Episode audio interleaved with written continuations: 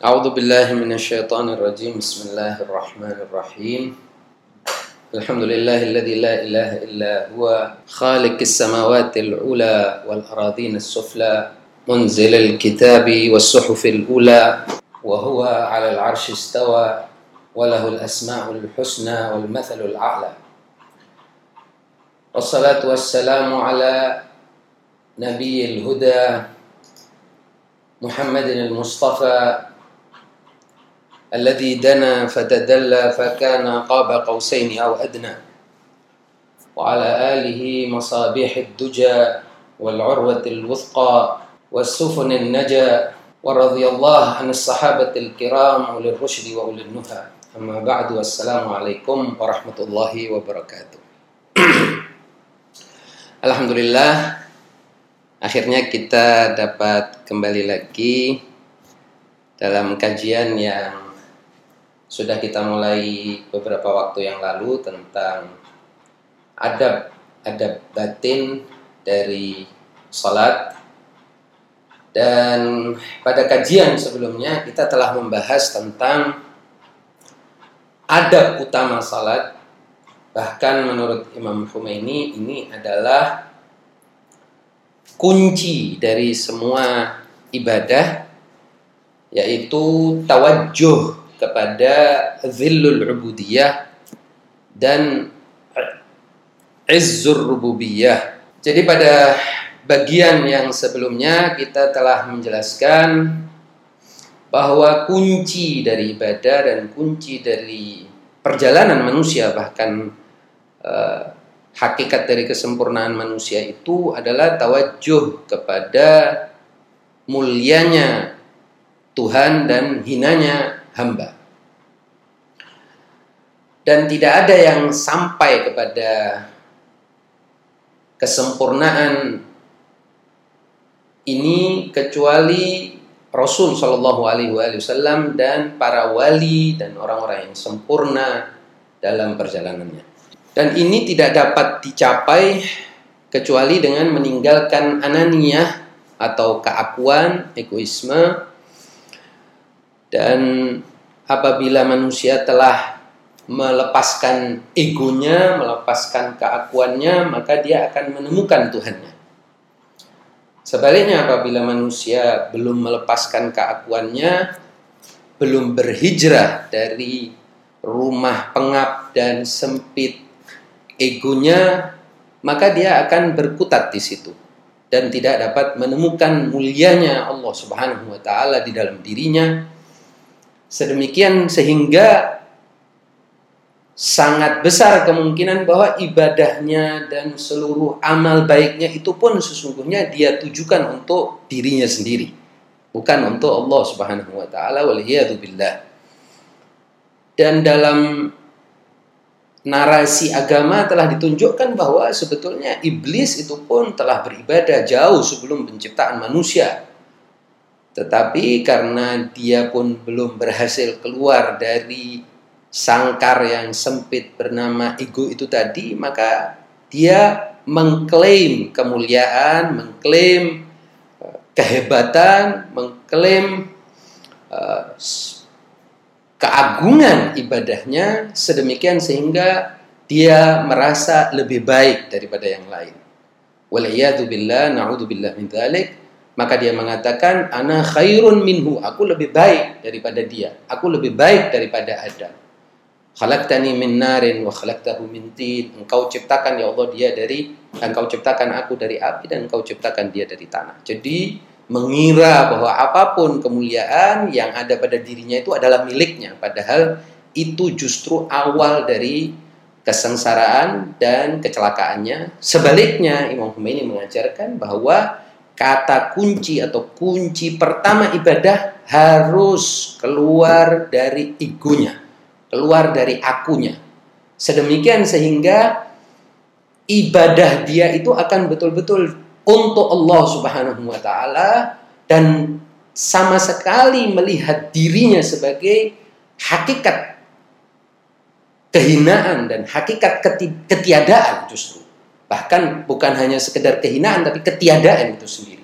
sedemikian sehingga dia tidak pernah lagi melihat dirinya tapi melainkan tawajuh melihat kepada Allah Subhanahu wa taala.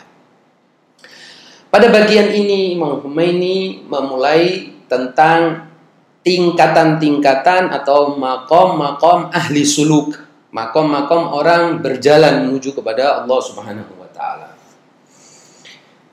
Adapun makom yang pertama, artinya urutan tahapan pertama orang dalam suluk menuju Allah Subhanahu wa taala adalah memiliki pengetahuan, memiliki ilmu mengetahui sesuatu.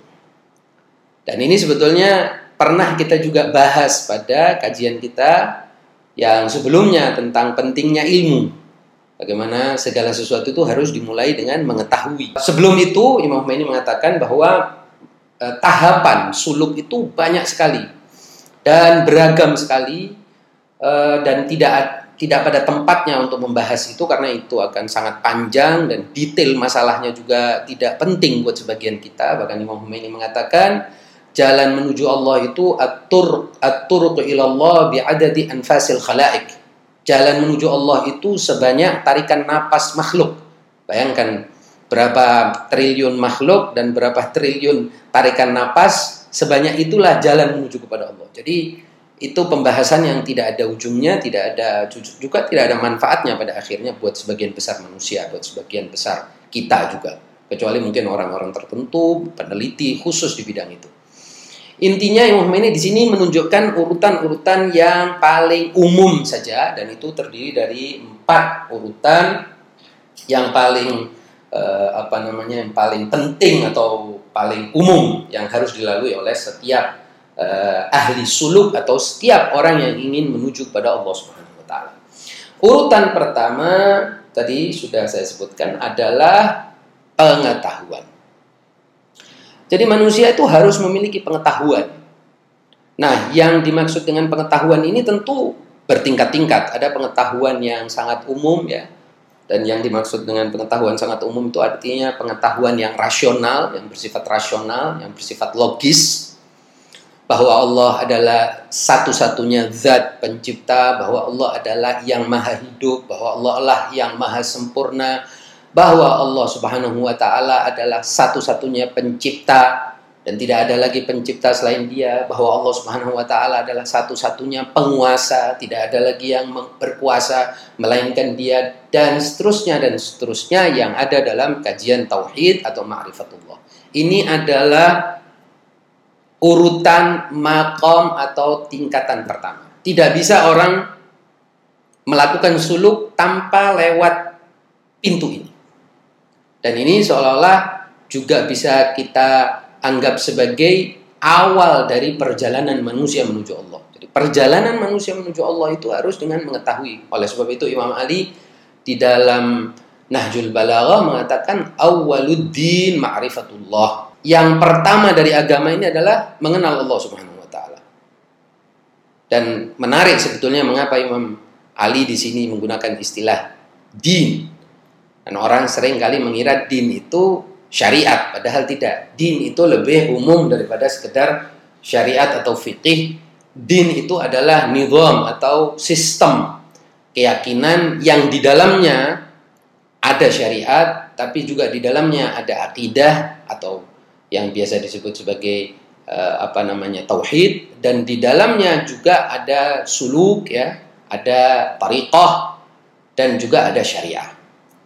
Din itu tidak mungkin kita bisa masuk din, tidak bisa masuk agama dan tidak ada orang bisa beragama tanpa makrifat, tanpa makrifat tentang Allah Subhanahu wa taala. Dan makrifat yang paling dasar, yang paling awal itu ya dengan akalnya. Karena pada hakikatnya semua manusia punya akal betul akal manusia atau potensi akal manusia beda-beda tapi ini akal ini ada pada semua manusia dengan tingkatan yang mm, berbeda-beda tapi semua manusia bisa menggunakan akalnya untuk menemukan zat Allah Subhanahu wa taala, menemukan kesempurnaan Allah, mendapatkan petunjuk tentang eh, tauhid, tentang keesaan Allah, tentang kekuasaan Allah, tentang penciptaan Allah dan lain sebagainya dan lain sebagainya. Jadi ini adalah yang pertama dan utama dalam uh, apa suluk. Bahkan Imam Humaini uh, dalam istilahnya menunjukkan bahwa martabatul ilm atau tingkatan ilmu itu adalah membuktikan bisulukil ilmi wal burhanil falsafi dengan perilaku ilmiah ya, dengan metode ilmiah dan dengan demonstrasi filosofis. Demonstrasi filosofis itu artinya dengan pembuktian filosofis zillatul ubudiyah wa izzatur rububiyah yaitu hinanya hamba dan mulianya Allah Subhanahu wa taala ini harus bisa dibuktikan secara filosofis, secara rasional, secara ilmiah. Setelah manusia bisa membuktikan itu dan mengetahui itu, baru dia bisa beranjak kepada yang lain-lain. Jadi tidak boleh orang langsung beranjak kepada uh, makom yang lain sebelum dia selesai dan tuntas di makom ini atau di urutan ini, di tahapan ini. Kadang-kadang di tahapan ini orang perlu waktu banyak, tidak masalah. Ini karena tidak bisa dia mendadak keluar apa mendadak langsung ke makom yang lain atau urutan yang lain tanpa melalui uh, martabatul ilmi ini tadi. Yaitu ma'rifat ini.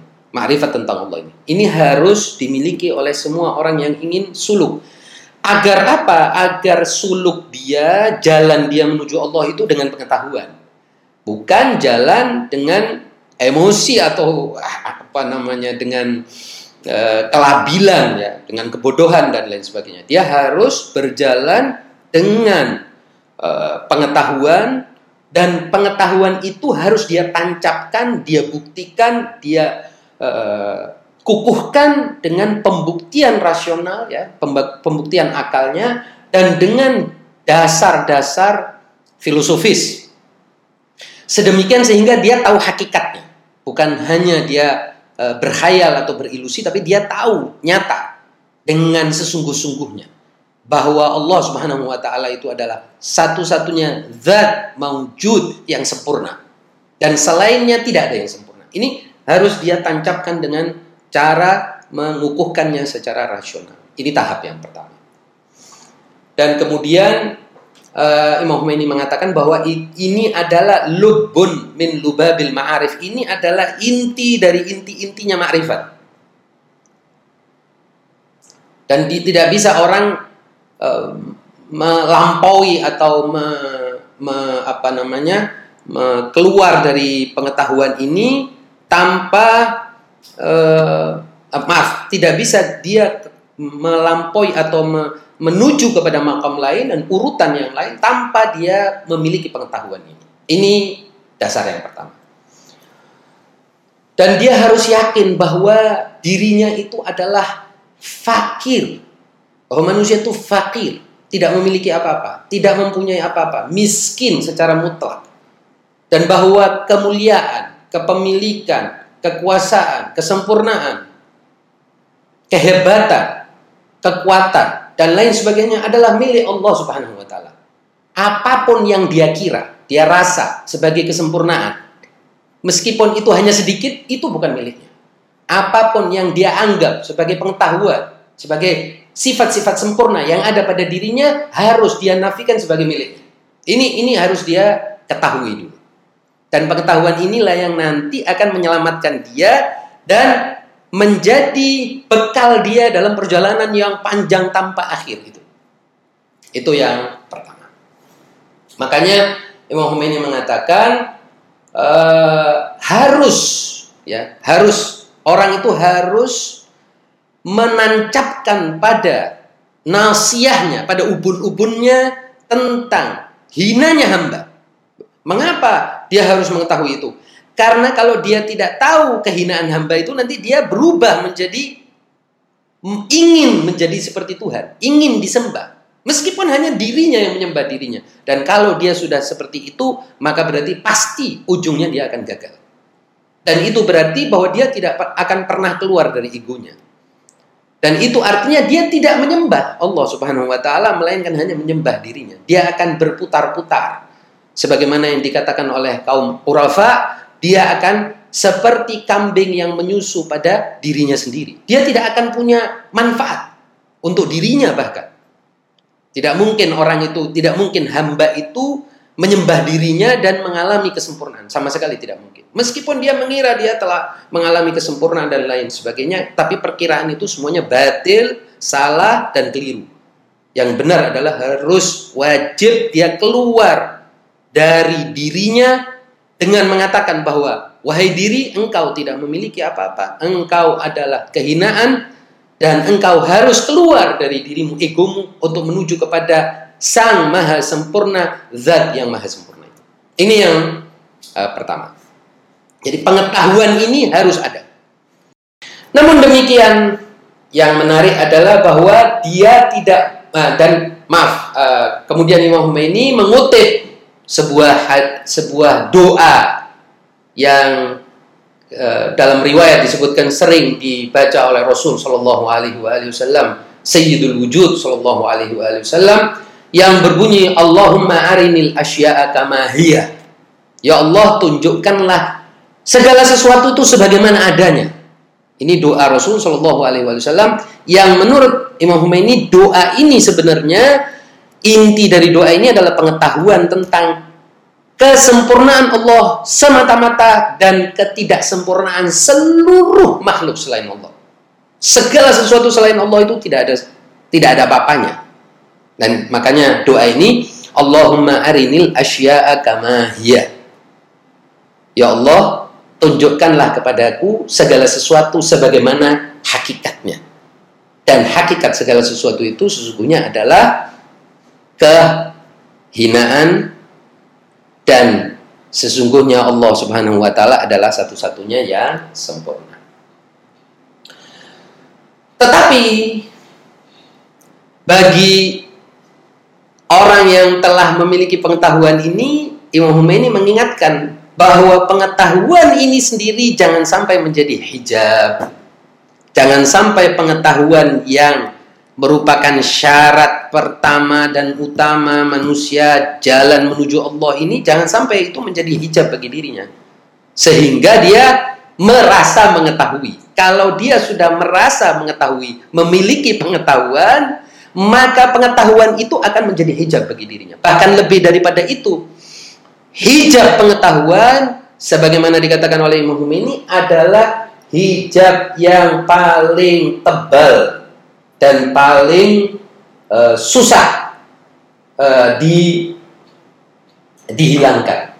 Oleh sebab itu sangat banyak orang yang mengetahui, orang yang berkutat dan bergumul dalam ilmu pengetahuan agama tetapi sama sekali tidak beranjak dari egonya justru mereka berasyik masyuk dengan egonya dan mengira orang lain dan menghina orang lain dan menghina orang yang bodoh naudzubillah min dzalik sedemikian sehingga ilmunya dan pengetahuannya justru menjadi hijab bagi dirinya dan tidak pernah beranjak dia menuju kepada Allah Subhanahu wa taala.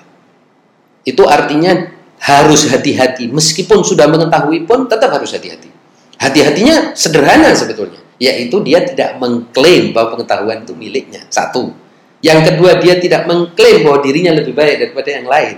Kedua, dia tidak mengklaim bahwa pengetahuan dia tentang kesempurnaan Allah Subhanahu wa taala itu selesai hanya sampai di situ. Tidak.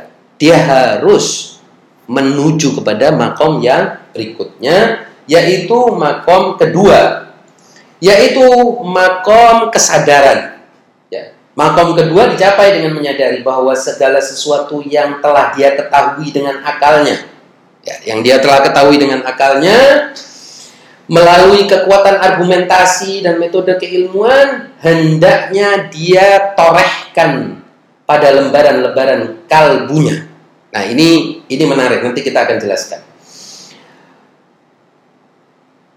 Dalam lembaran kalbunya agar hakikat kehinaan ubudiyah, kehinaan hamba dan kemuliaan rububiyah merasuk ke dalam kalbunya dan dengan begitu dia akan dapat melepaskan dirinya dari semua ikatan dan hijab ilmu pengetahuan yang ada pada makom pertama.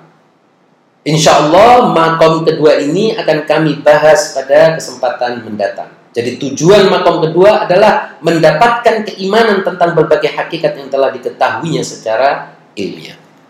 Ini nanti akan ada penjelasannya pada uh, bagian selanjutnya. Tapi intinya Di sini Imam Humaini masuk ke dalam suatu istilah yang umum bahwa akal itu dia hanya bersifat uh, menerima, dia hanya bersifat idrak, bersifat mengetahui.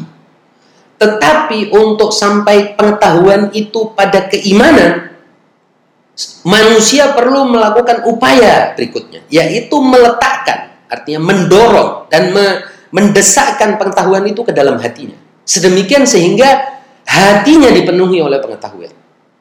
Tidak lagi hanya sebatas seperti memori saja. Jadi seperti informasi saja di kepala. Dia tahu tetapi pengetahuannya tidak menggetarkan hatinya. Nah, untuk bilang mendalik itu tidak boleh terjadi. Jadi makom kedua urutan berikutnya adalah dia desakkan, dia torehkan, dia tuliskan pengetahuan yang telah dia capai dengan akalnya ke dalam lembaran hatinya, ke dalam lembaran kalbunya. Sedemikian sehingga muncul keimanan. Ini artinya pengetahuan bukan iman. Iman itu seperti yang juga sudah pernah saya sebutkan pada kajian sebelumnya, iman itu hasil mengelola pengetahuan dengan cara meletakkan pengetahuan yang ada di dalam akalnya ke dalam hatinya. Sehingga hatinya itu diberi makanan, ya, diberi asupan pengetahuan yang benar dan hati itu tumbuh dalam keimanan. Itu makom yang kedua. Insya Allah ini pembahasan akan dilanjutkan atau diperjelas pada bagian-bagian eh, berikutnya. Makom ketiga, jadi ini makom-makom ini jangan uh, apa khawatir nanti juga akan dijelaskan lebih jauh pada apa bab-bab selanjutnya dari buku ini. Makom ketiga menurut Imam ini adalah itmi'nan dan tumak nina. Ini lebih tinggi lagi daripada sekedar iman. Ya. Kalau tadi uh, itu adalah dia pengetahuan yang telah dia peroleh dengan metode ilmiah dan argumentasi filosofis tadi dia antarkan ke hatinya agar menjadi iman tapi tidak sekedar iman. Makom berikutnya muncul tumak nina dan itmi'nan. Dan itu artinya tumak nina dan itmi'nan itu lebih tinggi makomnya daripada iman. Ini lebih sempurna lagi. Dan di sinilah mengapa misalnya Nabi Ibrahim ketika dia uh, apa namanya minta kepada Allah Subhanahu wa taala untuk ditunjukkan ya Allah bagaimana hari ini tuhyil mauta bagaimana engkau menghidupkan yang telah mati Allah bertanya kepada Nabi Ibrahim, awalam tu'min? Apakah engkau tidak beriman? Nabi Ibrahim jawab, qala bala walakin lihat ma'inna qalbi. Iya, aku sudah beriman, tapi biar itmi'nan, biar timbul ketentraman hati. Jadi iman itu masih goyang, masih labil. Bayangkan, apalagi pengetahuan, sekedar pengetahuan. Jadi pengetahuan yang sudah ditorehkan dan digoreskan ke dalam hati itu sangat labil.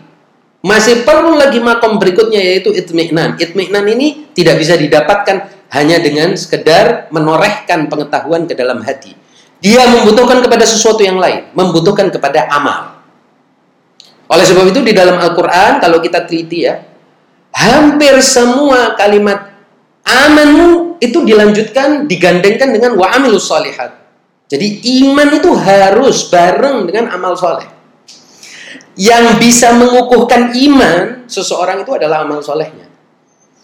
Kalau sekedar iman itu mudah hilang. Bahkan dalam hadis yang sangat masyhur dan diriwayatkan oleh madhab ahlu sunnah maupun madhab ahlul bait al disebutkan bahwa al iman yazdad wa yanqus.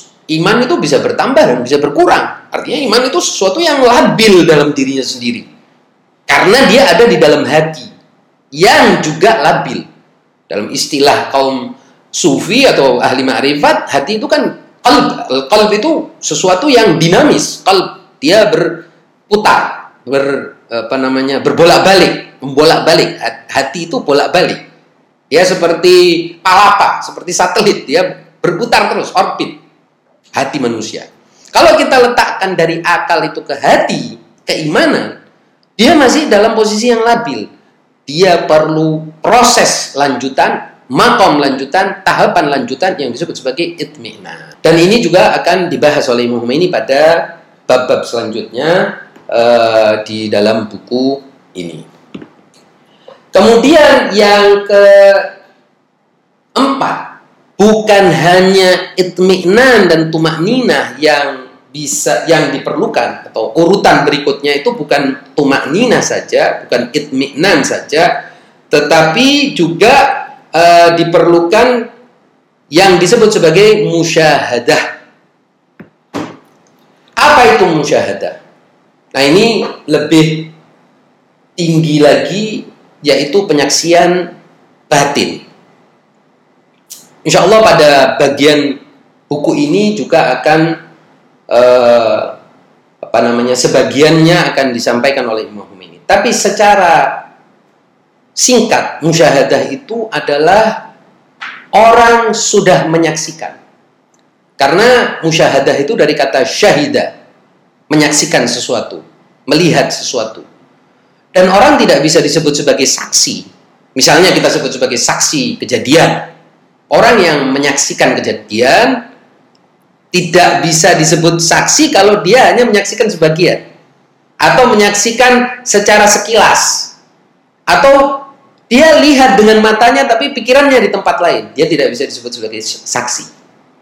Musyahadah, penyaksian batin itu haruslah dalam keadaan dia melihat sepenuhnya fokus, perhatiannya jelas, dan dia tahu apa yang dia lihat, sedemikian sehingga kita bisa minta kesaksian kepada dia. Dan nanti juga dia bisa memberikan kesaksian itu. Ini musyahadah tidak mudah. Oleh sebab itu Imam Khomeini mengatakan musyahadah itu adalah nurun ilahi. Itu adalah cahaya ilahi.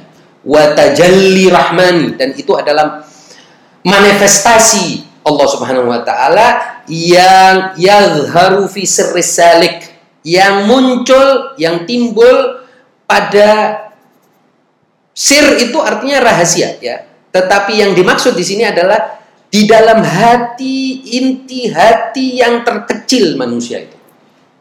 Itu bukan sekedar kalbu saja tapi kalbu yang lapisan terdalamnya yang biasa disebut sebagai sukma, sanubari atau apa pun namanya. Sir itu biasanya lapisan terdalam dari hati manusia. Karena hati manusia ini pun berlapis-lapis.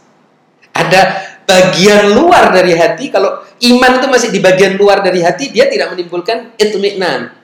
Dia ada sekali-kali beriman. Pada saat orang itu mungkin susah dia iman kepada Allah muncul. Pada saat orang itu ingin sesuatu muncul iman kepada Allah atau terdesak muncul iman kepada Allah tapi belum sampai masuk kepada lapisan yang lebih dalam.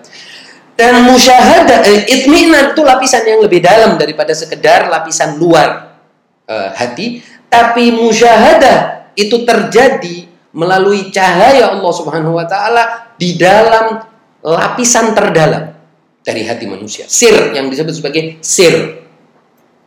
Yang Uh, di sini sebutnya tajalli ini menyinari kalbu sang hamba dengan suatu penyaksian yang tampak nyata ya.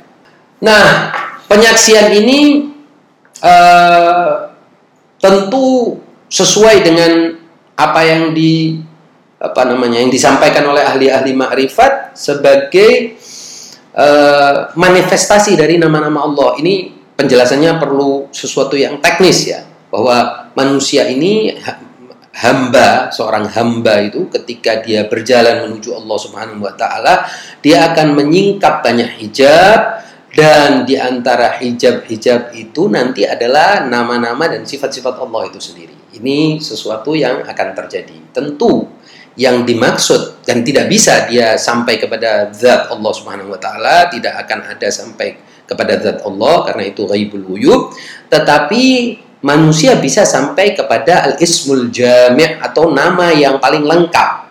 Nah, sebelum sampai kepada makom atau sebelum sampai kepada memahami dan mengenali nama yang sempurna itu, manusia akan memahami Allah dengan nama-namanya dan sifat-sifatnya dan ini perjalanan yang juga sangat-sangat panjang dan mungkin tanpa batas. Wallahu alam Dan sampai kapan artinya? Boleh jadi sebagian orang karena rendahnya tekad dan juga tidak mendapatkan apa dukungan atau tidak mendapatkan takyid dan dan tidak mendapatkan pertolongan dari Allah ya dia sampainya ya makom-makom yang paling rendah, tapi itu pun sudah harus disyukuri karena itu saja sudah suatu surga yang tidak ada keindahan seperti mengenal Allah Subhanahu wa taala. Nah, kemudian Imam Umaini menjelaskan bahwa makom yang musyahadah itu tadi, ya kalau sampai orang sampai di situ, maka orang itu akan merasakan ya, akan menjadi, akan e, berubah menjadi sebagaimana yang disebutkan dalam sebuah riwayat apabila seorang hamba mendekat kepada Allah dengan melakukan nafilah-nafilah dengan melakukan apa eh, ibadah-ibadah sunnah maka Allah mengatakan kuntu sam'ahu wa basarah. Aku kata Allah Subhanahu wa taala akan menjadi pendengarannya dan penglihatannya jadi dia tidak lagi melihat dengan mata dirinya dia tidak lagi mendengar dengan pendengaran dirinya dia telah keluar dari egonya secara sempurna dan di dalam dirinya hanya ada Allah Subhanahu wa taala, maka hanya Allah Subhanahu wa taala dan maka dia akan melihat dengan penglihatan Allah, mendengar dengan pendengaran Allah, berbicara dengan pembicaraan Allah dan dia akan menjadi betul-betul sebagai hamba Allah dan wali Allah yang idza arada arad. Yang kalau dia berkehendak Allah pun berkehendak. Karena kehendak dia tidak pernah tentang dirinya. Kehendak orang hamba yang seperti ini nih, tidak pernah kehendaknya itu tentang dirinya. Tidak pernah kehendaknya itu muncul terbersit dari hawa nafsunya inilah makam Rasul Shallallahu Alaihi Wasallam ketika Allah mengatakan dalam Al-Quran wa ma yantiqu anil hawa in huwa illa wahyun yuha Rasul itu tidak pernah bicara pun bicaranya itu pun ya, wacananya itu pun adalah wahyun yuha, wahyu yang diwahyukan terus-menerus.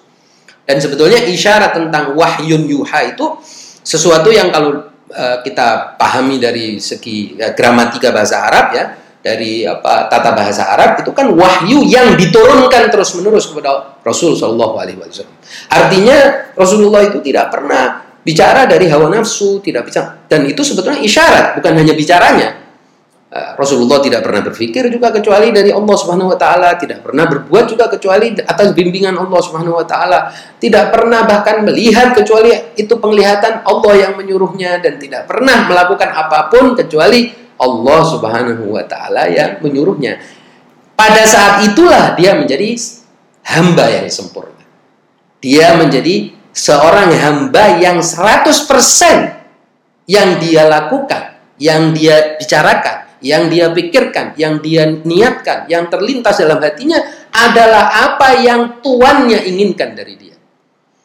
Adalah apa yang Allah Subhanahu wa taala maukan dari dia. Ini hamba sudah sampai pada tingkat dia telah mendengar dengan pendengaran Allah, melihat dengan penglihatan Allah, dan berbicara dengan pembicaraan Allah dan lain sebagainya. Nah, Hamba seperti ini tidak mungkin dia melakukan sesuatu yang bersifat syaitani, bersifat hawa nafsu, syahwat, dirinya, nafsani, egonya sama sekali sudah selesai dari semua itu dan masuk kepada makom uh, apa namanya ubudiyah, makom ubudiyah al mutlaqah, ubudiyah yang sempurna, ubudiyah yang mutlak. Sedemikian sehingga dia hanya menjalankan apa yang Allah maukan. Menginginkan apa yang Allah maukan. Dan ini makom tidak bahkan untuk kita pahami saja buat orang seperti saya yang seperti ini untuk memahaminya saja susah. Bagaimana? Menginginkan sesuatu yang mungkin saja buat kita ketika kena musibah saja kita ini pengen cepat-cepat menghindari musibah itu. Bila perlu kita menjauhi musibah itu. Tapi kalau hamba yang sempurna ketika mendapatkan musibah idza asabahu musibah qalu innalillah ini semua kita ini kan untuk Allah Subhanahu wa taala ini ini sesuatu yang tidak mudah kena musibah terus bersyukur mengingat Allah Subhanahu wa taala jadi bukan dirinya dia sudah tidak ada lagi rasa di dalam dirinya yang dia rasakan hanya Allah Subhanahu wa taala sebagai Tuhannya sebagai sesembahannya sebagai uh, apa namanya uh, cinta hakikinya. Ini tentu uh, salik atau ahli suluk seperti ini kata Imam ini wa yara nafsahu mustaghriqan fil bahri la mutanahi wa min wara'ihi bahrun 'amiq fi ghayatil 'umq dan lain sebagainya yang ini perjalanan atau makom yang tidak mudah dan tidak bahkan untuk memahaminya saja susah tetapi itu semua tidak bisa dicapai kecuali dengan urut-urutan tadi yang sudah saya sampaikan secara sekilas yaitu pertama dengan pengetahuan dulu. Oleh sebab itu tidak bisa orang itu mau mencapai apa pun keikhlasan, kekhusyuan, tumak nina, itminan dan lain sebagainya dan ini pernah kita bahas kecuali dia punya pengetahuan. Jadi jangan menjadi eh, apa namanya kita sombong ya atau merasa sudah tahu, merasa sudah mengerti, merasa sudah tidak tidak bisa begitu karena pengetahuan itu juga perlu terus dijejalkan, diasupkan ke dalam pikiran kita supaya nanti dari pikiran kita kita bisa turunkan ke dalam hati kita. Kalau yang mengisi pikiran kita itu hal-hal yang syaitani, duniawi dan lain sebagainya, pengetahuan kita juga tentang hal-hal yang duniawi dan syaitani dan syahwat ya nanti yang turun ke hati kita juga naudzubillah min dzalik ya dunia, syahwat, syaitan dan lain sebagainya. Oleh sebab itu kita e, tidak boleh me, apa istilahnya merasa bahwa kita sudah tahu. Kadang-kadang orang bilang, "Wah, sudah tahu ini pembahasan." Loh, iya, pembahasannya sudah tahu, tapi apa sudah masuk ke dalam hati? Kalau belum masuk ke, ke dalam hati berarti akalnya masih dipakai ke tempat lain, masih berisi pengetahuan-pengetahuan lain, belum berisi pengetahuan tentang hakikat-hakikat ilahi itu.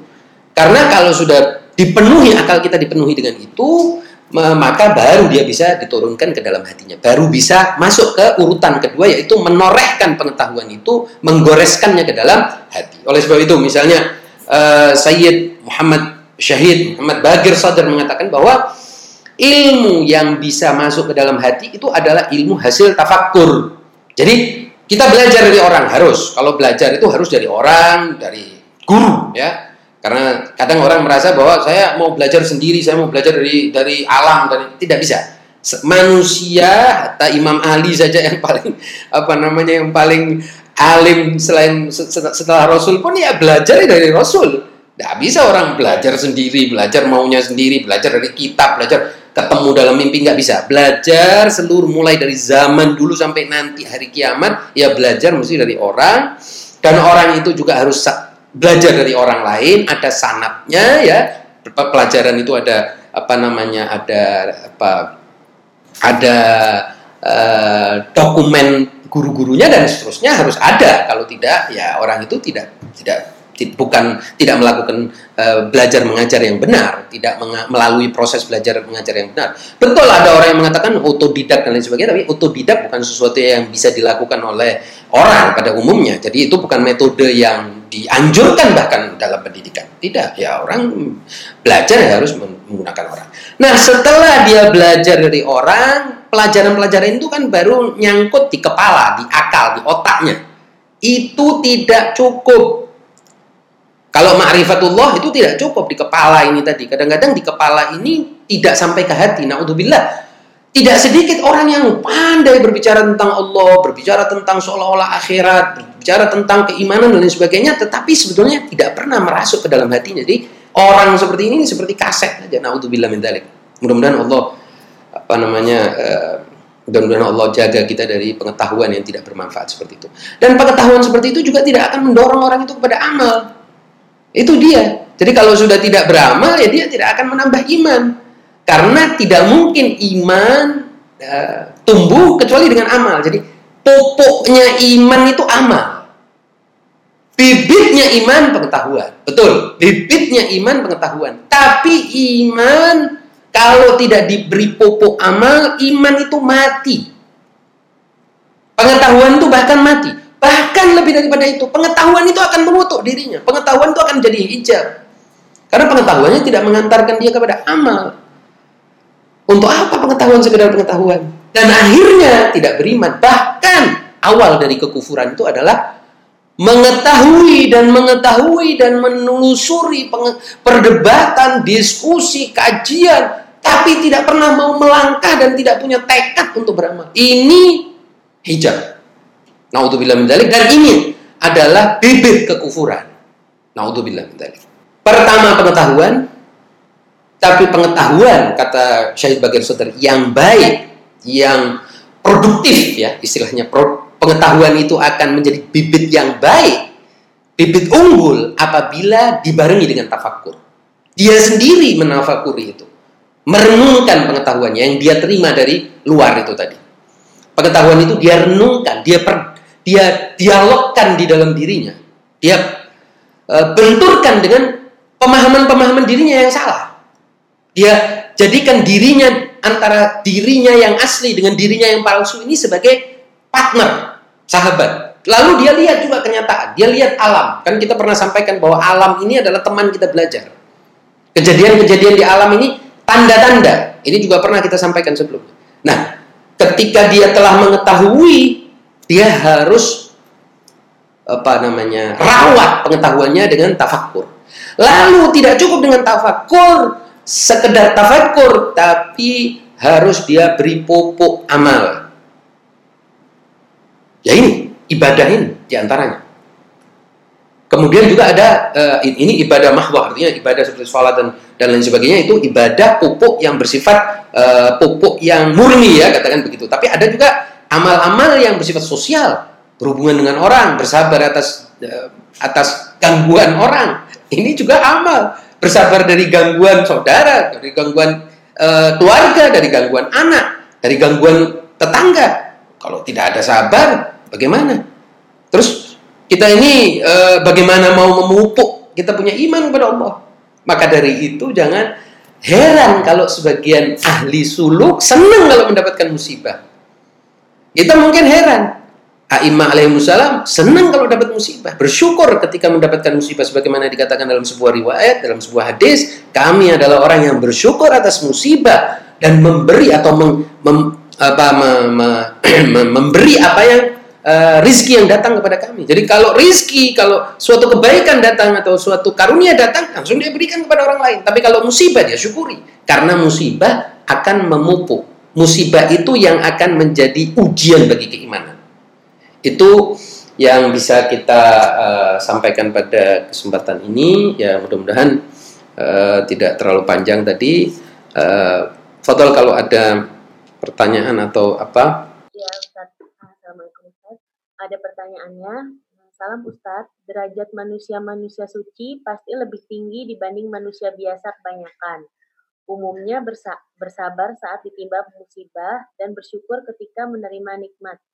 Sementara manusia-manusia pasti lebih tinggi lagi.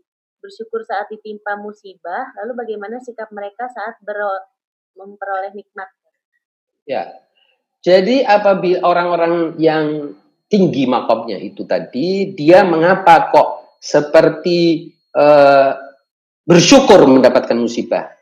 Karena dia merasa bahwa musibah itu adalah lecut, pecut untuk dia mendekat kepada Allah dan untuk membuktikan keimanannya kepada Allah Subhanahu wa Jadi dia akan memasuki musibah itu dengan suatu tekad.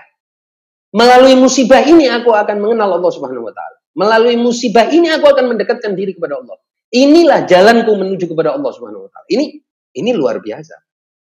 Ini ini istilahnya orang yang telah kasmaran cinta kepada Allah. Subhanahu wa taala. Sehingga ketika dia mendapatkan musibah, dia ingin mengata dia mengatakan kepada dirinya, inilah jalanku untuk kepada Allah Subhanahu wa taala.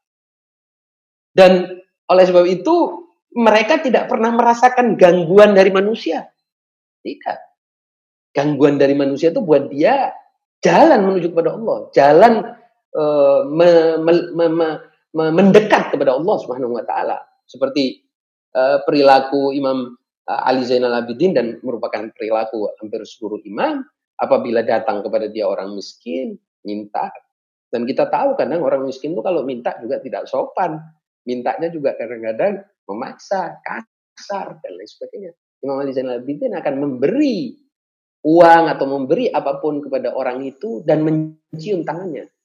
Para sahabat bertanya mengapa engkau mencium tangan orang itu dia bilang aku tidak mencium tangan orang itu aku mencium tangan yang di situ ada Allah Subhanahu wa taala. Ini artinya dia setiap saat melihat Allah Subhanahu wa taala dan ini juga yang disampaikan oleh Imam Ali bin Abi Thalib.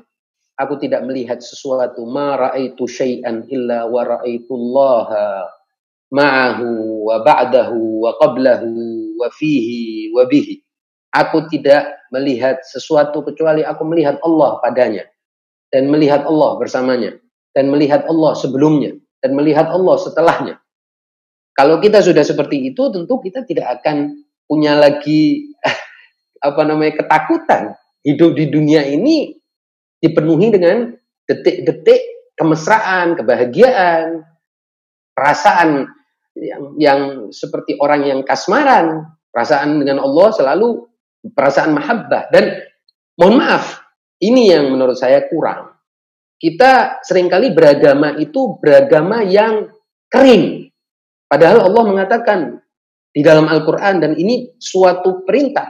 Qul in kuntum tuhibbunallah. Jadi mahabbatullah, cinta kepada Allah itu belum merupakan budaya dalam kita beragama.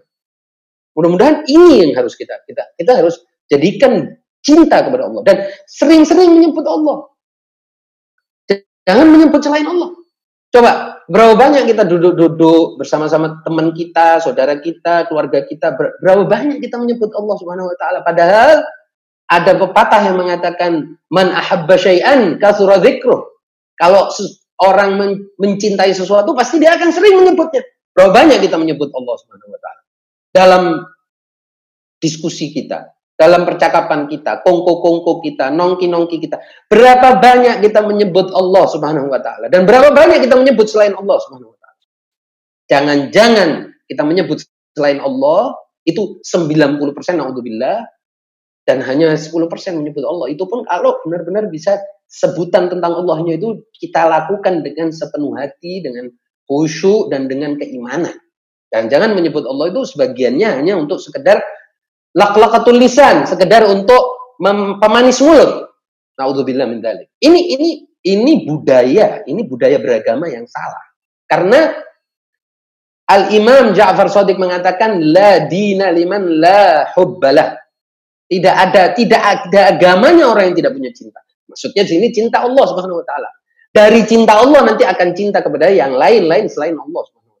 Tapi Pertama harus cinta Allah karena cinta sumber cinta itu Allah Subhanahu wa taala. Tidak bisa orang bilang, "Saya enggak enggak perlulah cinta Allah Subhanahu wa taala, cukup cinta makhluk." Ini bullshit, ini omong kosong. Karena sumber cinta karena cinta itu sifat sempurna dan tidak akan datang kesempurnaan kecuali dari yang maha sempurna. Allah Subhanahu wa taala. Oleh sebab itu harus melalui cinta Allah. Dan Allah menuntut itu. Qul in kuntum tuhibbunallah. Katakanlah kalau kalian memang mencintai Allah, fattabi'uni. Maka ikutilah katanya ini apa maka ikutilah Rasul. Maka ikutilah aku kata Rasul. Ikutlah aku. Karena agamanya Rasul juga agama cinta. Ini kita sudah sampai di situ apa Oke, lanjut pertanyaannya. Ini Assalamualaikum. Ya, Waalaikumsalam. Assalamualaikum. Ya, ini ya. pertanyaan kedua dari Saima ini apakah seseorang yang sudah mencapai keadaan di mana saat kita merasa apa pun keadaan yang menimpa adalah sama saja bagi kita baik itu senang ataupun susah? Apakah artinya kita sudah ridho? Tapi mungkinkah hati seorang tetap sama pada setiap keadaan? Lalu bagaimana jika kita berdoa agar keluar dari keadaan tersebut Apakah itu bertentangan dengan perasaan tunduk dan ridho atau justru cara berdoa, berdoa kita yang salah? Itu pertanyaan asal syukuran. Ya, uh, jadi kita ini dalam suluk diajarkan untuk jujur kepada diri sendiri. Dan sebetulnya setiap manusia itu pasti akan jujur pada dirinya sendiri. Kalau dia berbohong ya rugi dia hanya akan mendapatkan kerugian. Yang pertama, jujur pada diri sendiri itu artinya dia harus tahu bahwa dia tidak bisa mencapai makom ridho, makom ikhlas, makom khusyuk, itmi'nan, tumaknina, dan lain, apalagi musyahadah, kecuali dia mulai dari urut-urutan yang diajarkan oleh ulama, diajarkan oleh imam-imam dan ulama, dan juga uh, mereka yang ahli-ahli suluk ini tadi. Mulainya dari situ dulu. Lah, sekarang kita tanya. di awal ini kita cukup cukup sabar nggak? Belajar itu kita cukup sabar nggak? Kalau kita lihat orang seperti misalnya orang-orang tua itu, ulama-ulama itu sampai tua mereka masih belajar. Bayangkan. Loh, apa kurang ilmunya? Sampai mereka, sampai orang lain bilang, udah nggak cukup, apa nggak cukup ilmunya? Oh, ini berarti kamu nggak sabar dalam belajar. Kalau sudah belajar aja nggak sabar, jangan berpikir untuk mendapatkan sesuatu yang lebih daripada sekedar ilmu. Iman, wah tunggu dulu. Orang mencari ilmu aja nggak sabar. Nah ini urutannya ini harus diikuti. Kadang orang memang kepingin cepat-cepat selesai dengan urusan ilmu, langsung mau masuk kepada sesuatu yang lebih besar. Tapi ya nggak bisa, karena kalau nggak pakai ilmu, ya ya nggak mungkin gitu. Ini yang harus disadari. Setelah ilmu, harus disadari bahwa ilmu ini seperti yang tadi, tidak cukup. Ilmu saja tidak cukup. Ilmu ini mesti didesakkan, di apa, digoreskan, diasupkan, dijejalkan ke hati kita. Supaya hati kita itu belajar. Hati kita itu juga ngilmu, mencari ilmu. Bukan dengan akal saja. Karena kalau akal itu dingin.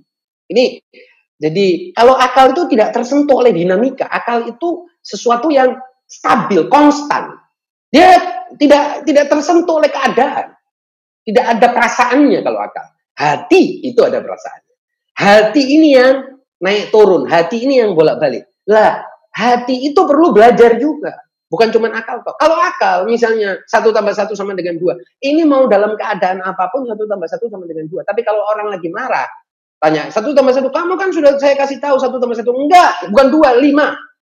Berkelahi. Itu hatinya. Ya. Jadi kita harus ajarkan hati ini. Seperti tadi kata Imam ini. Masukkan ilmu-ilmu itu tadi, pengetahuan-pengetahuan, argumen-argumen, filsafat, burhan, ma'rifat ke dalam hati. Sampai hatinya betul-betul sebagaimana yang dikatakan oleh Al-Quran. Afalahum kulubun. Ah, di ini ini sudah masuk kepada uh, apa namanya alam Quran. Alam Quran mengatakan bahwa yang harusnya memahami, yakin, ya, harusnya berakal itu adalah hatinya. Karena dalam paradigma atau dalam apa namanya ajaran Al-Quran, hati itu yang berakal. Kalau mau serius gitu. Nah, baru setelah itu maka dia akan mendapatkan makom ridho. Baru setelah itu dia bisa tadi itu bersyukur saat dapat musibah. Baru dia bisa mencapai makom sebagaimana yang dikatakan oleh Allah Subhanahu wa taala dalam surah Al-Hadid ayat 23. Likaila ta'sau ala ma fatakum wa la tafrahu bima atakum wallahu la yuhibbu kulla mukhtalin fakhur. Kami menjelaskan yang demikian itu supaya kalian jangan berduka cita terhadap apa yang luput dari kalian dan juga supaya kalian jangan terlalu gembira terhadap apa yang diberikan kepada yang Allah berikan kepada kalian dan Allah tidak menyukai setiap orang yang sombong lagi membanggakan diri. Coba kita perhatikan di sini. Mengapa di akhir ayat ini Allah bilang Allah tidak menyukai orang yang sombong lagi membanggakan diri? Karena biasanya orang yang sombong itu yang merasa saya sudah memiliki ini, saya ini gini, saya saya saya saya saya. Pada akhirnya Allah bilang Jangan bergembira atas apa yang datang kepadamu, apa yang diberikan kepadamu. Ini kan bukan milikmu, ini kan, ini kan Allah yang kasih. Kemudian juga jangan susah kalau nggak dapat. Kalau kamu nggak sampai pada makam musyahadah, ya sudah terima aja ya begini ya ini. Allah kasihnya seperti ini. Ya mungkin karena kita kurang berjuang, ya pasti karena kita kurang tekad. Kok ada orang yang bisa dan ini ini godaan. Tidak sedikit bahkan mereka yang serius di jalan suluk tergoda untuk bertanya, kenapa orang itu seperti tidak melakukan apa-apa, belajarnya sebentar, ibadahnya sedikit, tapi kok majelub istilahnya. Majelub itu artinya Allah tarik dia. Mendek, bisa mudah mendekat kepada Allah, bisa mudah mendapatkan keikhlasan. Allah subhanahu. Tidak sedikit. Ini godaan buat kita. Ini ujian buat kita. Boleh jadi kita diuji oleh adanya orang-orang yang Allah beri dia keutamaan sedemikian sehingga dengan sedikit ibadah, sedikit ilmu, dia langsung majzub, tertarik. Allah tarik dia ke alam malakut yang lebih tinggi. Wallahu a'lam. Nah, ada lagi orang yang berusaha susah payah, mungkin sholat malamnya kenceng ini, tapi ya hasilnya sedikit. Nah, bagaimana? Semua ini kalau kita tidak sombong, kalau kita tidak muhtalin fakhur, kita tidak merasa berbangga, kita sadar bahwa ini semua bukan milik. Hasil pencapaian itu, hasil itu bukan di tanganku. Aku hanya berusaha. Hasilnya Allah Subhanahu wa taala. Saya kira itu makom ridho yang paling sederhana lah katakan begitu. Ada yang lain? Ya Ustaz, ada lagi pertanyaannya. Halo. Ayo, silakan. Halo, ya ada saat ini. Pertanyaan lagi. Ada dua pertanyaan lagi. Pertama, apakah kiat-kiat untuk bisa selalu bersabar dalam melakukan kebaikan? Contohnya seperti yang Ustadz bilang tadi, bisa selalu sabar dalam belajar tanpa memandang umur. Kemudian pertanyaan selanjutnya, apakah yang dimaksud dengan zatnya Allah? Apakah kita bisa bertafakur tentang zatnya? Itu Ustaz. Oke, okay, yang pertama dulu ya. Jadi uh, bersabar melakukan kebaikan itu kalau kita sadari betul hakikat kebaikan itu. Untungnya kebaikan itu, manfaat kebaikan itu. Di dalam buku 40 hadis, Imam ini misalnya menjelaskan ada yang disebut sebagai muazanah. Muazanah itu artinya kita timbang. Misalnya kita bilang, mengetahui sama tidak mengetahui, bagusan mana? Kan Allah juga sudah mengatakan, hal yastawi, apakah sama antara orang yang mengetahui dan orang yang tidak mengetahui? Antara orang yang beriman dan orang yang tidak beriman? Antara orang beramal soleh dan tidak beramal soleh? Sama. Nggak sama kan? Kalau nggak sama, ya coba kejarlah Jadilah orang yang mengetahui, jadilah orang yang beriman, jadilah orang yang beramal soleh. Gitu. Jadi motif kita memotivasi diri kita sendiri dengan melakukan muazana, pertimbangan. Pertimbangan rasional itu tadi akan menghasilkan itu tadi ketabahan. Oh iya ya, kan saya lagi mencari uang 100 miliar ini atau lebih. Ini bahkan lebih daripada itu. Ini sesuatu yang tidak terbatas. Ini kebaikan yang abadi. Loh, kalau ini kebaikan yang abadi, mestinya saya giat dong. Mestinya saya sabar, tekun dong. Orang-orang lain mencari urusan 100 miliar, 200 miliar, 300 miliar aja sangat gigih kok. Sampai sakit pun dia jalani. Ini urusan yang jauh lebih penting daripada itu. Sesuatu yang abadi. Berarti saya harus, nah ini akal kita bisa itu. Bisa mengajarkan kepada kita pertimbangan, bisa memberi pertimbangan-pertimbangan itu dan pertimbangan itu akan memotivasi kita, mengukuhkan kita, memberi kita ketabahan. Dan satu poin yang juga tidak kalah pentingnya, yaitu yang ini pernah juga saya sampaikan ke beberapa, beberapa ikhwan, ajaran Islam itu kalau urusan akhirat harus egois dalam pengertian, kalau urusan akhirat jalani dulu, ambil dulu, manfaatin dulu. Kalau urusan dunia boleh kamu serahkan kepada orang lain, boleh bersikap sosial.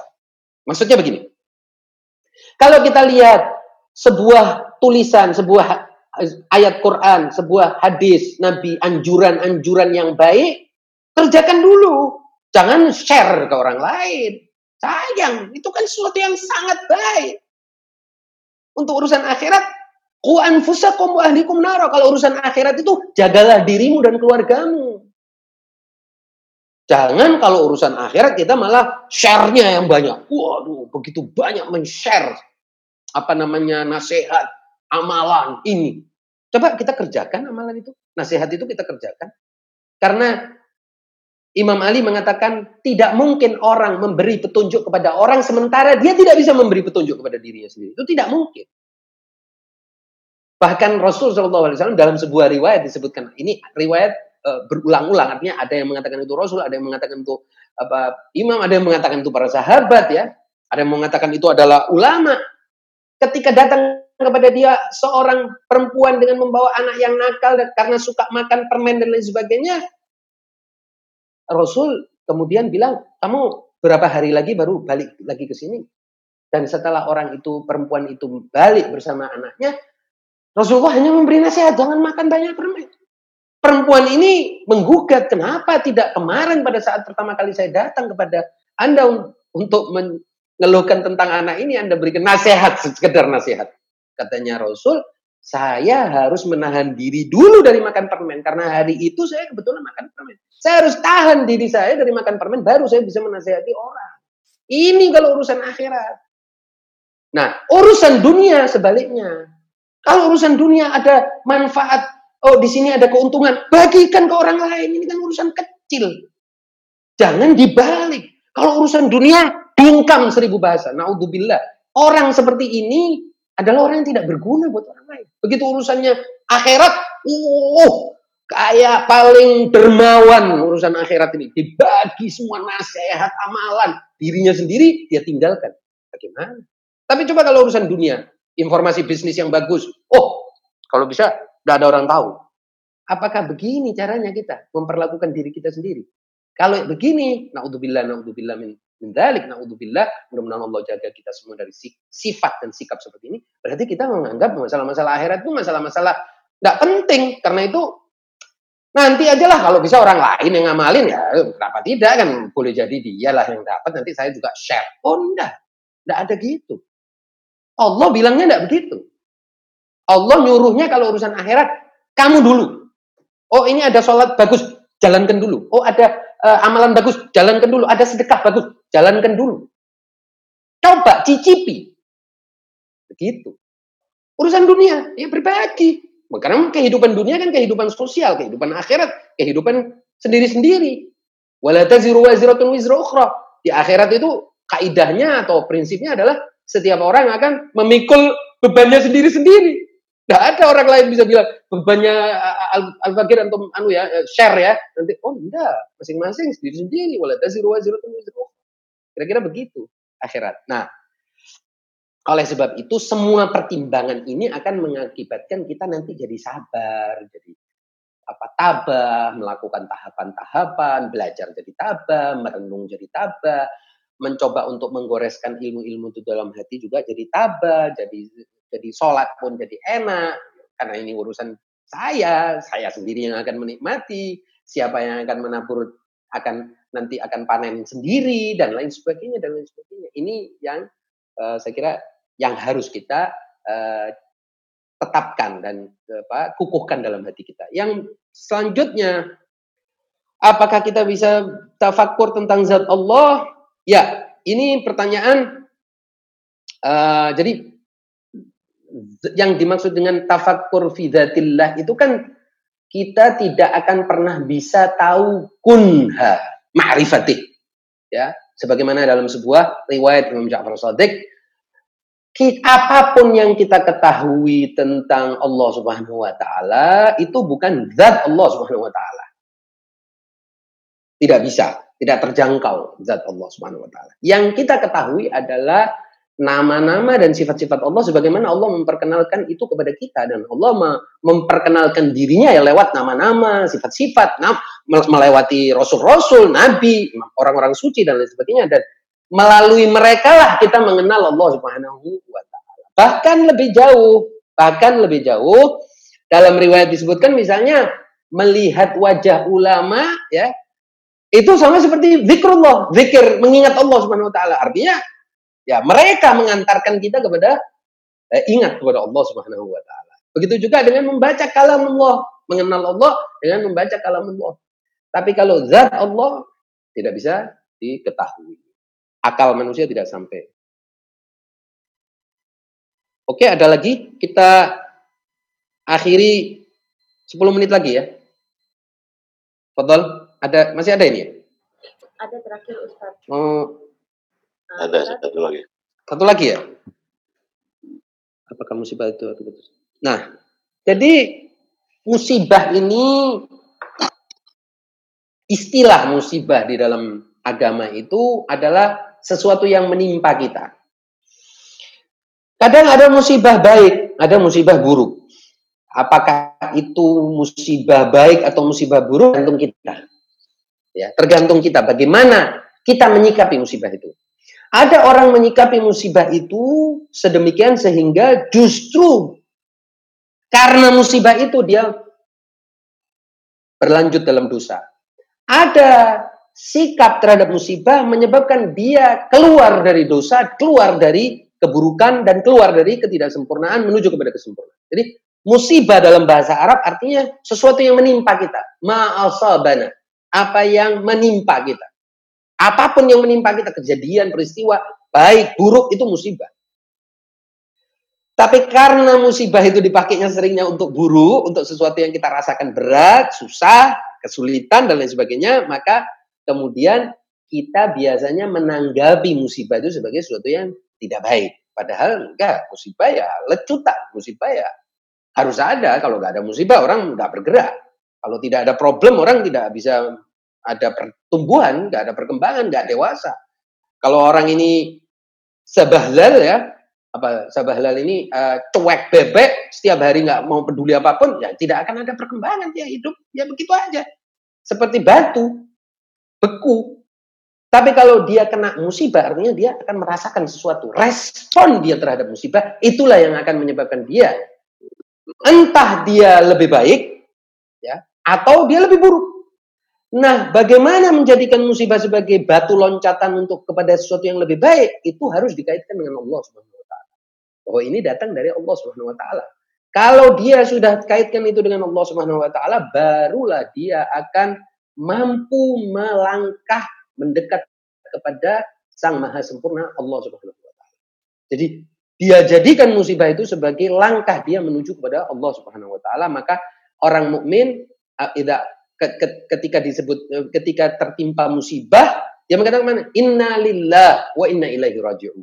Itu ketika dia terkena musibah dan biasanya itu kan musibah yang terbesar adalah kematian orang yang kita cintai dan lain sebagainya.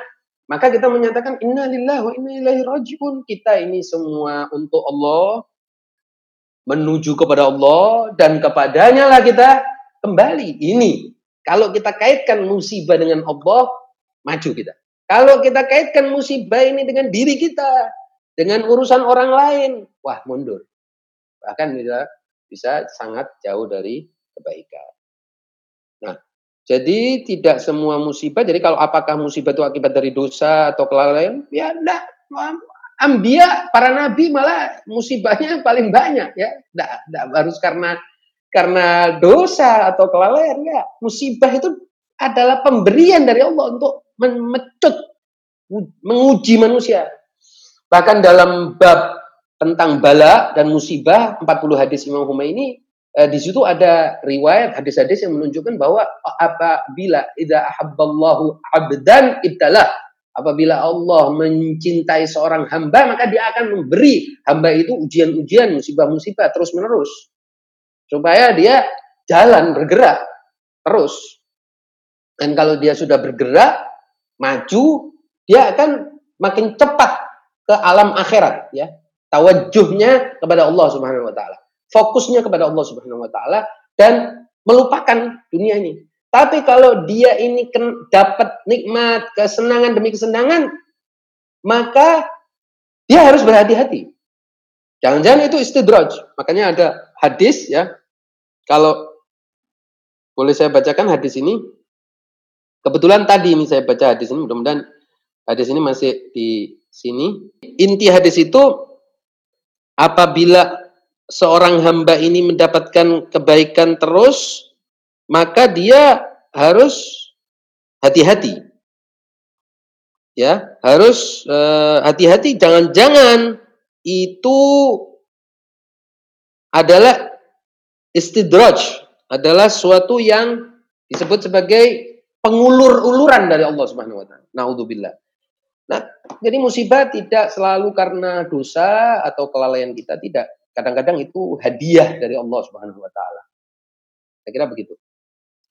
Kalau tidak ada, kita tutup. Ada yang mau langsung bertanya mungkin secara ini ada waktu sedikit kita. Bagaimana hostnya? Dengar ya? Ya. Assalamualaikum, Ustaz. Ya. Kalau tidak ada pertanyaan, mungkin kita akan akhiri. akhiri.